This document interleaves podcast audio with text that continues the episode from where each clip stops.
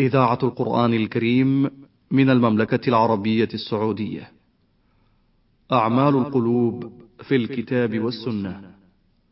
برنامج أسبوعي من إعداد وتقديم الدكتور عبد الله ابن وكيل الشيخ تنفيذ عبد الكريم المجحد.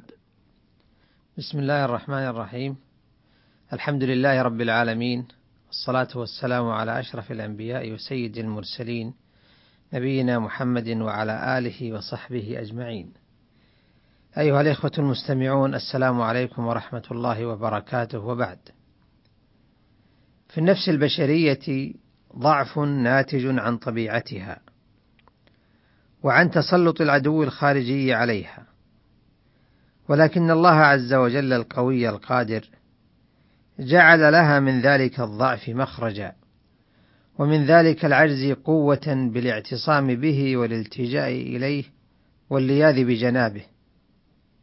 تفكر في ذلك المرء الذي أطاع نفسه وهواه وشيطانه فزل في المعاصي أو عب من السيئات أو تضلع من الخطيئات. أتراه أتي من غير تخلي الله عنه؟ وخذلانه له؟ لا والله. إنه لو كمل اعتصامه بالله ولياذه بحماه لكفاه وآواه وبصره بمواقع الهدى ومزلات الردى.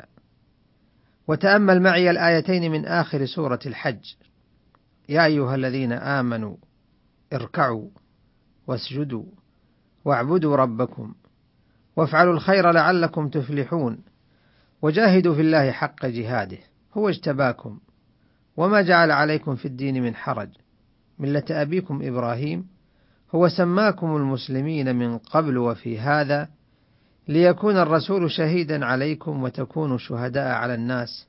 فأقيموا الصلاة وآتوا الزكاة واعتصموا بالله. هو مولاكم فنعم المولى ونعم النصير. فالركوع والسجود وإقامة الصلاة وإيتاء الزكاة والجهاد في سبيل الله والشهادة على الخلق بعد بذل الجهد في الدعوة إنما يستعان عليها بالاعتصام بالله حيث يحول ذلك الاعتصام بين العبد وبين الوقوع في التقصير. لأنه حين يعتصم بالله يلوذ بالسبب الأقوى فيكون وليا لله ويتولاه الله.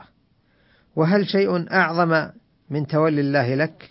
إنه نعم المولى ونعم النصير. ينصرك على نفسك وعلى عدوك ويمدك بأسباب القوة والعون الاعتصام بالله سبب نور البصيرة فيدرك المرء البرهان في آيات الله المنزلة وتشرب نفسه العبرة من آيات الله المخلوقة. ليس بالذكاء وحده تحصل البصيرة، ولا بالعلم وحده تدرك الهداية، وإن وضح البرهان وسطعت الحجة.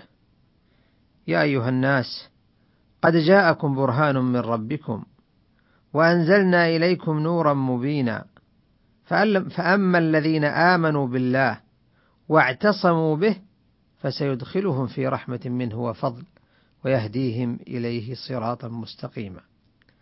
أنزل الله الكتاب العزيز فوصفه بأنه برهان، وزاد في وصف وضوحه فوصفه بأنه نور، والنور تدركه كل الأبصار التي لم تبتلى بالعمى، وزاد في وصفه فوصف النور بأنه بين ظاهر.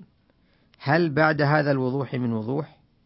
هل بعد هذا الوضوح من وضوح برهان من وضوح برهان ونور ومبين لكن من ذا الذي يدرك الهداية في هذه الأدلة ومن ذا الذي يبصر الخير في تلك البراهين إنهم المؤمنون المعتصمون بالله فبسبب عصمة الله لهم يدخلون في رحمته الخاصة ويسبغ عليهم فضله ويهديهم هداية تامة إلى الصراط المستقيم الذي هو العلم النافع والعمل الصالح.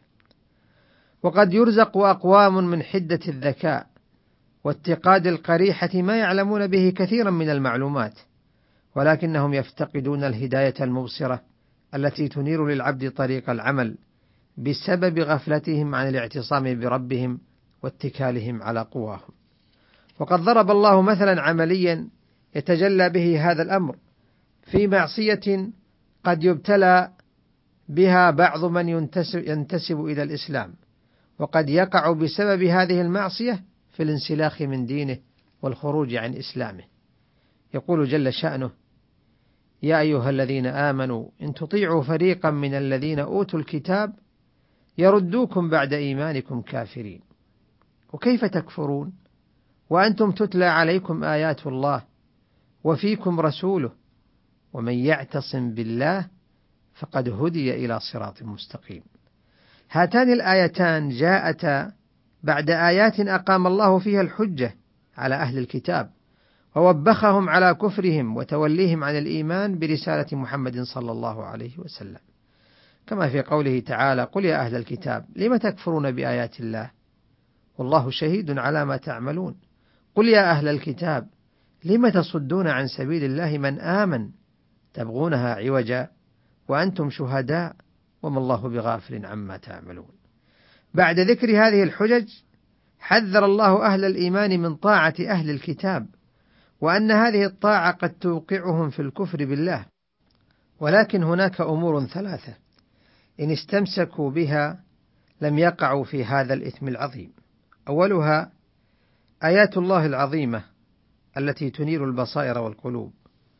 والثاني وجود الرسول صلى الله عليه وسلم المرشد إلى المصالح والكاشف لافتراءات أهل الكتاب. والثالث الاعتصام بالله واللياذ بحماه وهذا سبب الهداية إلى صراط الله المستقيم. بل إن هذا السبب الثالث هو سبب الانتفاع بالسببين الأولين. وحين حذر الله أهل الإيمان من شأن المنافقين وبين خسارتهم في الدنيا والآخرة لم يوصد أمام المنافقين الأبواب ولكنه ذكر لهم أسباب النجاة والثبات فقال جل شأنه إن المنافقين في الدرك الأسفل من النار. ولن تجد لهم نصيرا إلا الذين تابوا وأصلحوا واعتصموا بالله وأخلصوا دينهم لله فأولئك مع المؤمنين وسوف يؤتي الله المؤمنين أجرا عظيما. فالتوبة وإصلاح العمل والاعتصام بالله والإخلاص أطواق النجاة التي مد إليها أبصار المنافقين الذين هم أشد الناس خسارا وأعظم الناس نكالا. يقول الإمام ابن القيم رحمه الله: أجمع العارفون بالله أن الخذلان أن يكلك الله إلى نفسك ويخلي بينك وبينها، والتوفيق ألا يكلك الله إلى نفسك. انتهى. إذا وكلك الله إلى نفسك لم تزل المعاصي تسلمك إلى معاص مثلها لم تزل المعاصي تسلمك إلى معاص مثلها أو أكبر ولم تزل البصيرة يغشاها من الظلام والعمى ما يفقده البصيرة ما يفقدها البصيرة كلها أو يكاد على أن الاعتصام بالله يوفقك لفهم الدليل ويوفقك للانتفاع بالدليل ويوجد في نفسك العزيمة على الرشد والاجتهاد في العمل. إن الاعتصام بمصدر القوة ومعطيها يستثير في النفس كوامن القوة، بل ويوظف هذه الكوامن أحسن توظيف. كم يتخيل أناس عدم قدرتهم على فعل بعض الطاعات أو على ترك بعض السيئات، وفي النفس على التحقيق قوة على العمل وعلى الترك، ولكن الخذلان حينما يدع المرء الاعتصام بربه والاحتماء بحماه. هل نظن أهل الإيمان منحوا من القوى البدنية والفكرية ما يفوقون به سائر الناس؟ لا، بل إن الذي يمتازون به أنهم باعتمادهم على ربهم وظفوا قواهم أحسن توظيف، ورشدوا مواهبهم خير ترشيد، حينما تضرعوا إلى ربهم الخالق القادر الذي بيده المقاليد وإليه المنتهى والمعاد. فلا تغفلن أخي عن الاعتصام بربك واللجأ إليه ليهديك ويبصرك ويدلك على الخير إنه على كل شيء قدير وإلى أن نلتقي مرة أخرى أستودعكم الله والسلام عليكم ورحمة الله وبركاته. أعمال القلوب في الكتاب والسنة. برنامج أسبوعي من إعداد وتقديم الدكتور عبد الله ابن وكيل الشيخ تنفيذ عبد الكريم المجحد